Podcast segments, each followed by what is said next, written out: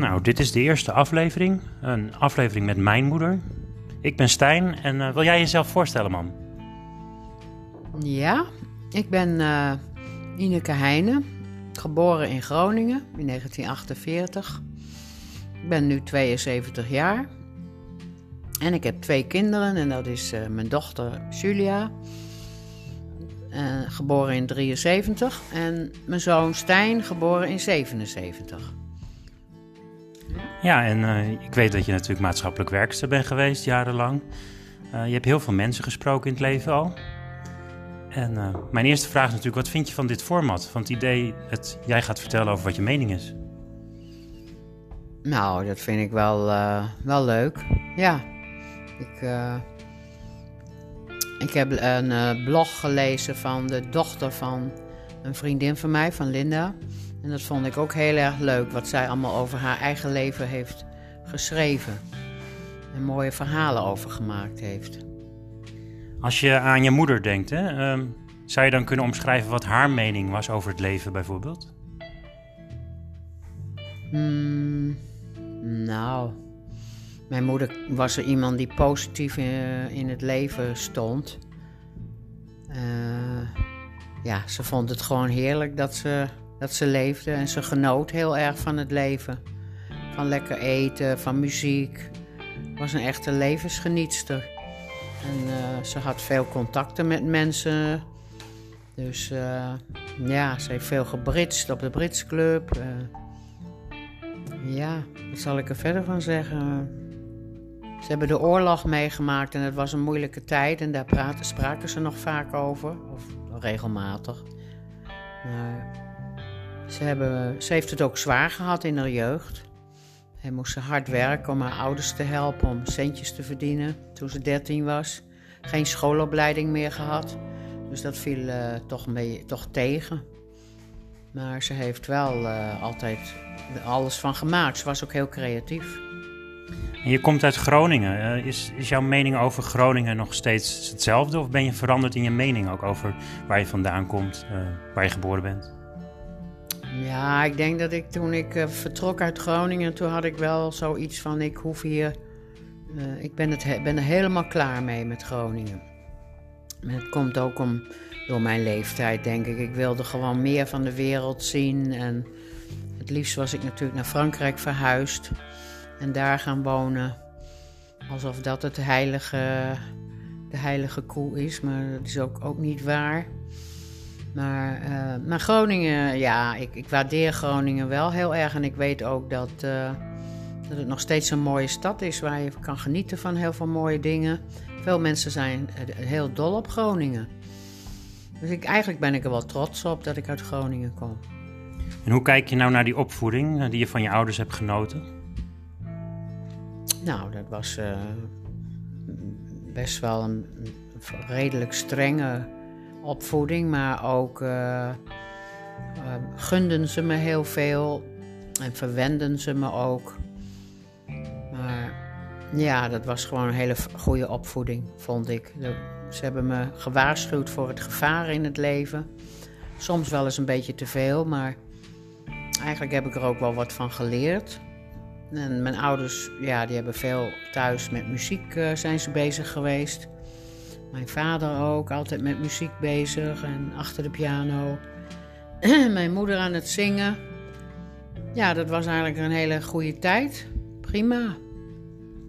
Ja, dus je hebt het gevoel dat je echt een hele mooie jeugd hebt ervaren.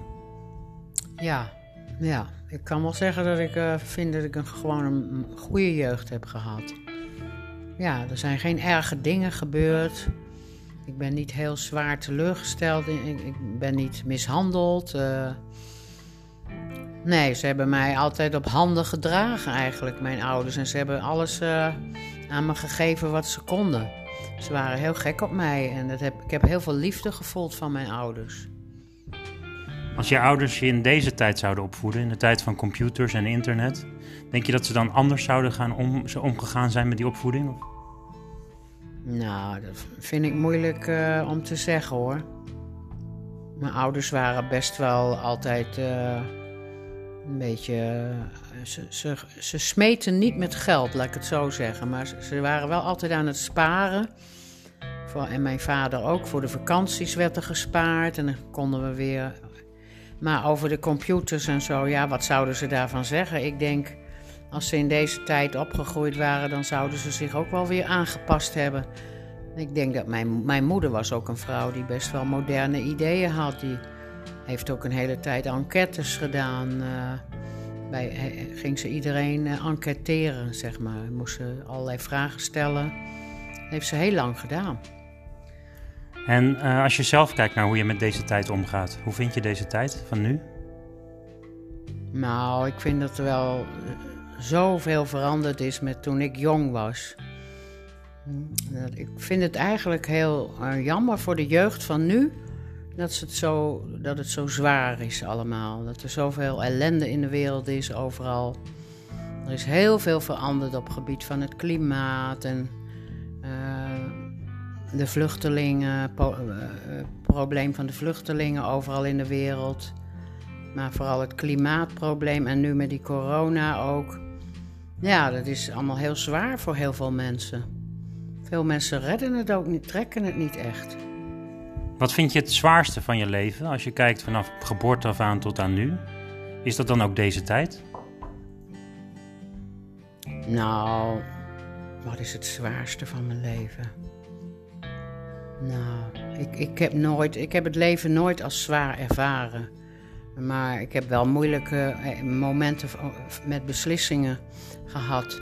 Toen ik eh, ja, verliefd was, of eigenlijk wilde trouwen met, met papa. Hè? En dat ik ook nog verliefd was op iemand anders, dat vond ik wel heel zwaar voor mezelf. Ik kon geen keuze maken toen.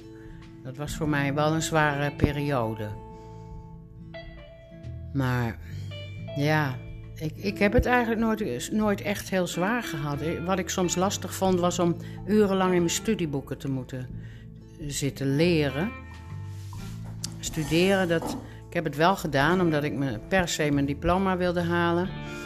Maar ik had het er wel vaak moeilijk mee. Dan dacht ik, kon ik nou maar naar buiten en eh, kon ik nou die boeken maar even lekker eh, een, eh, een paar weken of een maand aan de kant leggen. Maar dat kon niet. Op een gegeven moment moest ik door. En dat was, dat was vond ik wel een beetje een zware periode. En dan heb je de moeilijke periodes besproken, maar als je kijkt naar de mooiste periodes in je leven, wat vind je dan dingen waar je echt van eh, genoten hebt en wat echt in je herinnering staat? Ja, het mooiste was natuurlijk toen jij geboren werd. Dat zeg je weer heel lief hoor. Nou, ik vond de, eh, het, ja, de geboorte van de kinderen sowieso heel bijzonder. Ik voelde me nog wel heel erg jong en dat was ik ook. Eigenlijk een beetje te jong. Maar ik vond het wel heel mooi. En eh, ook dat ik in die huisartsenpraktijk gewerkt heb, heb ik ook een hele leuke tijd gevonden. Mm, ja, en dat ik met mijn ouders naar Frankrijk ben geweest. eh, ja, elke keer weer eh, op reis naar Frankrijk en daar hele mooie vakanties heb gehad. Dat staat nog boven in mijn geheugen. Dat zijn, was een hele mooie tijd voor mij. Daar ben ik ook echt heel dankbaar voor dat ik dat eh, heb mogen meemaken. En ik hoor ook vaak van anderen die ge- gelijk met mij opgegroeid zijn, dat ze dat allemaal nooit hebben eh, gekregen van hun ouders. Dus wat dat betreft ben ik wel bevoorrecht. Hoe is je leven nu? Goed. Eh, ik vermaak me. Ik vind het heerlijk om te genieten van de tijd nu. Dat ik niet meer hoef te werken en eh, niet zoveel zorgen verder hoef te hebben, omdat ik financieel niet eh, heel krap zit. Ik kan eh, toch nog heel veel leuke dingen doen, omdat ik best wel leuk, nou, toch wel een leuk inkomen heb, vind ik zelf. Ik ben er heel blij mee. Er zijn mensen die meer hebben, maar Nee, ik geniet heel erg van de, van de natuur en van het fietsen. het gewoon lekker gezond nog zijn en bewegen. Meestal gaat het wel goed met mij, soms even niet, maar dat zijn meestal kleine dingen. Ja, ik geniet heel erg van, van het nu, van het hier en nu. Dat is heel belangrijk. Ja. Nou, dankjewel, dat waren ook eh, precies 10 minuten met mijn moeder. Ik hoop dat we dat vaak nog een keertje doen met eh, elkaar zo. Ah. Dankjewel. Oké, graag gedaan hoor.